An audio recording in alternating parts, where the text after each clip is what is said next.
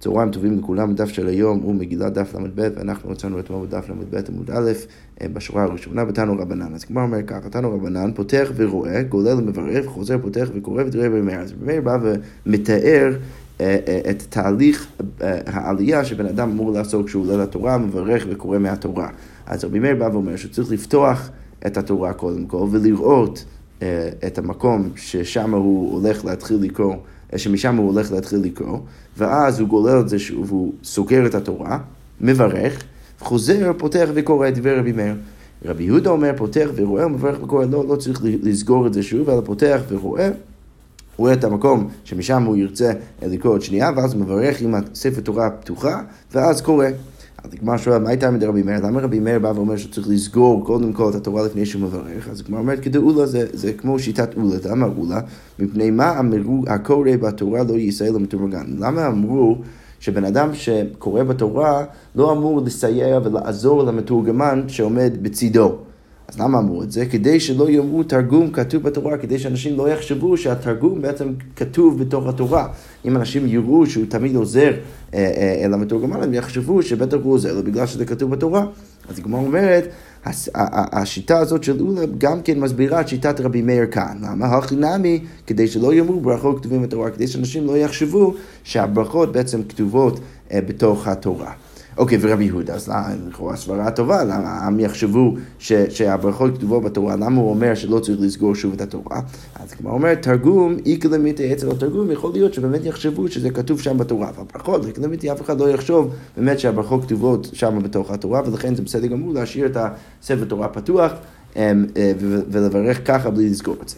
אוקיי, אז כמו אומרת, אמר רבי זרע, אמר רב מתנה, הלכה פותח ורואה ומברך וקורא. אז, הוא בא ופוסק לכאורה כרבי יהודה, כן, שאתה פותח את ספר התורה, אתה רואה את, מקום הקריאה, מברך וקורא בלי לזכור שוב את ספר התורה, כמו שאמר רבי מאיר. אז מה אומר, ולמה הלכה כרבי יהודה? למה אה, רבי זרע לא פשוט אומר הלכה כרבי יהודה? למה הוא צריך להגיד את זה במפורש, כמו שראינו גם כן בסוף הדף של אתמול? אז כמו אומרת, בשום דאף חילו, בגלל שלפעמים המסורות האלו הם משתנות, ולפעמים הם, הם, הם, הם מעבירים את המסורת עם שיטת רבי מאיר כשיטת רבי יהודה ממה שראינו למעלה, ושיטת רבי יהודה כשיטת רבי מאיר ממה שראינו למעלה. ולכן, אה, במקום להגיד הלכה כרבי יהודה, כדי שאנשים לא יסתבכו עם זה, אז בא רבי זיירא ואומר בשם רב מתנה את ההלכה במפורש מה צריך לעשות, בלי להגיד את זה בשם מישהו ספציפי. אוקיי, אמר רבי זיירא, אמר רב מתנה, הלוחות והבימות. אין בהם משום קדושה. אז הלוחות והבימות, אה, אה, רש"י כותב שהוא לא בטוח עד הסוף מה זה הלוחות, תוספות מציעים פירוש של הערוך, שאולי זה החלקים של הקלף שאין שם כתב. בכל זאת, איך שזה לא יהיה, הלוחות האלו וגם כן הבימות, ששם הדבר ששמים עליו צבע התורה, אין בהם משום קדושה, לא צריך לחשוש לקדושה בדברים האלו. אוקיי, אמר רבי שפטי, אמר רבי יוחנן, הגולל ספר תורה צריך שיעמידנו על התפר. אז בן אדם שגולל ספר תורה, והוא משאיר את זה ככה אה, אה, סגור, אז כשהוא, כשהוא מותח את זה, אז הוא צריך שיהיה באמצע, באמצע הגלילה שלו צריך שיהיה את התפר. למה? כי לכאורה פרקטית, הדבר הכי הגיוני זה לעשות את זה ככה, כי, כי, כי, כי אז אם אתה מנסה למתוח את זה יותר ויותר, אז אם זה יקרא, אז זה יקרא על התפר ואז יהיה בסדר גמור, אפשר פשוט לתפור את זה מחדש, במקום ממש לקרוע את הקלף עצמו. ואמר, רבי שפטי, אמר רבי יוחנן, גולו ספר תורה, גולו לא מבחוץ ואין גולו מבפנים. אז כאן אה, אה, אה, אם אנחנו נדמיין שבן אדם שם ספר תורה מלפניו, והוא יכול לגלול או מה, מהחלק, מהצד של ספר תורה שכלפי פנים, דהיינו כלפי הגוף שלו, או כלפי חוץ, אז הוא אמור לגלול מה, מהצד שהוא כלפי חוץ. למה? כי כש, כשהוא גולל את זה, אז הספר תורה לא נופל עליו. אם הוא היה גולל מהספר, מהחלק ש, שכלפי פנים, כלפי הגוף שלו, אז החלק השני היה נופל מהשולחן, ולכן אה, אה, הוא לא אמור לעשות את זה. וכשהוא מהדקו, אבל אה, רבי יוחנן עכשיו אומר הפוך, כשהוא מהדק את ספר התורה והוא לא גולל את זה ממקום למקום, מעביר את זה ממקום למקום בתוך ספר התורה, אז מהדקו מבפנים, אז הוא אמור להדק את זה מבפנים, כי אז הוא לא חושש שזה ייפול, ואינו מהדקו מבחוץ. אוקיי, ואמר רבי שפטי, אמר רבי יוחנן, עשרה שקראו בתורה, אם יש עשרה אנשים שקראו בתורה, הגדול שבהם גולל ספר תורה, אז הבן אדם הכי מכובד וגדול אמור אה, לעשות גם כן את הגלילה. הגוללו נוטל שכר כולן, אה, וגם כן הבן אדם שעושה את הגלילה, אז הוא נוטל שכר כולן. דאמר רבי יהושע בן לוי, עשרה שקראו בתורה, גולל ספר תורה, קיבל שכר כולן. אז כמו אומרת, שכר כולן, צריך לדעת לך, אתה באמת חושב שהוא קיבל את השכר של כולם, ואף אחד, לא, אחר לא, לא קיבל שכר? אלא אם קיבל שכר כנגד כולם. אלא מה צריך להגיד? צריך להגיד שהוא קיבל את השכר כנגד כולם.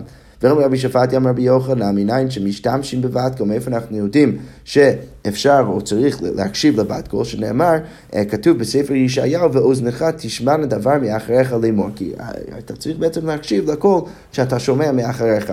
והגמרא אומרת, והני מילי, זה שאנחנו מקשיבים לבת קול, זה רק אם זה, זה, זה קורה בצורה לא, לא רגילה, דהיינו אתה שומע איזשהו קול שאתה לא רגיל לשמוע את הקול הזה.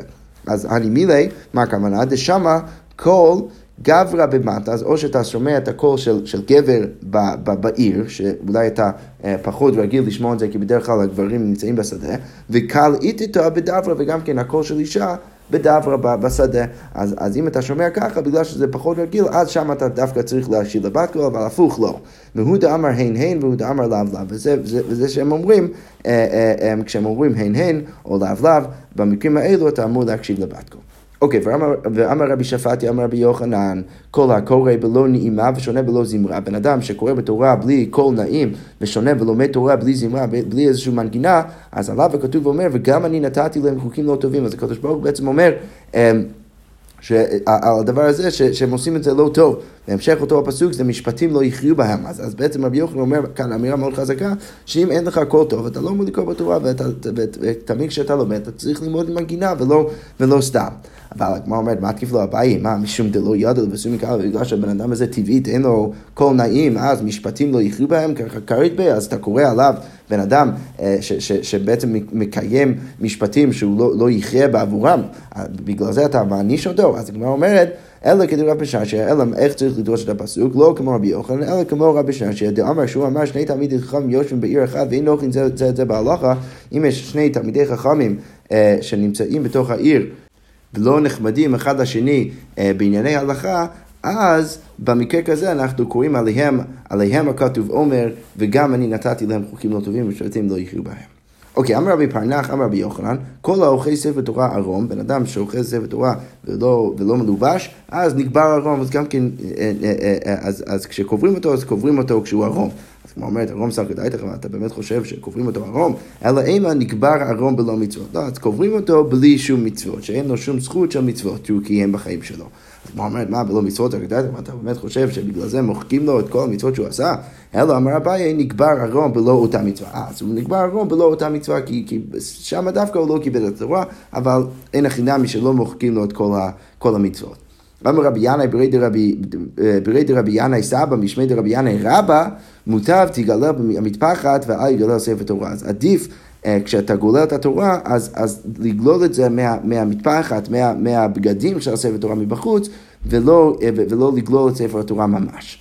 אוקיי, אמרנו במשנה, אה, וידבר משה את מועדי השם על בני ישראל, מאיפה אנחנו יודעים שבכל חג וחג צריך לקרוא מעניינו של יום מספר התורה, בגלל שכתוב בתורה וידבר משה את מועדי השם בני ישראל, מצוותן שיהיו קוראים אותן כל אחד ואחד בזמנו, והגמרא ככה מסתיימת עם ברייתא, תנו רבנן, משה תיקן להם לישראל שיהיו שואלים ודורשים בעניינו של יום. אז, אז, אז בנוסף לקרוא מספר התורה בתוך החג מעניינו של יום, אז משה רבינו גם כן תיקן לישראל שיהיו שואלים ודורשים בעניינו של יום, הלכות פסח בפסח, הלכות עצרת בעצרת והלכות חג בחג. ובזה סיימנו את המסכת.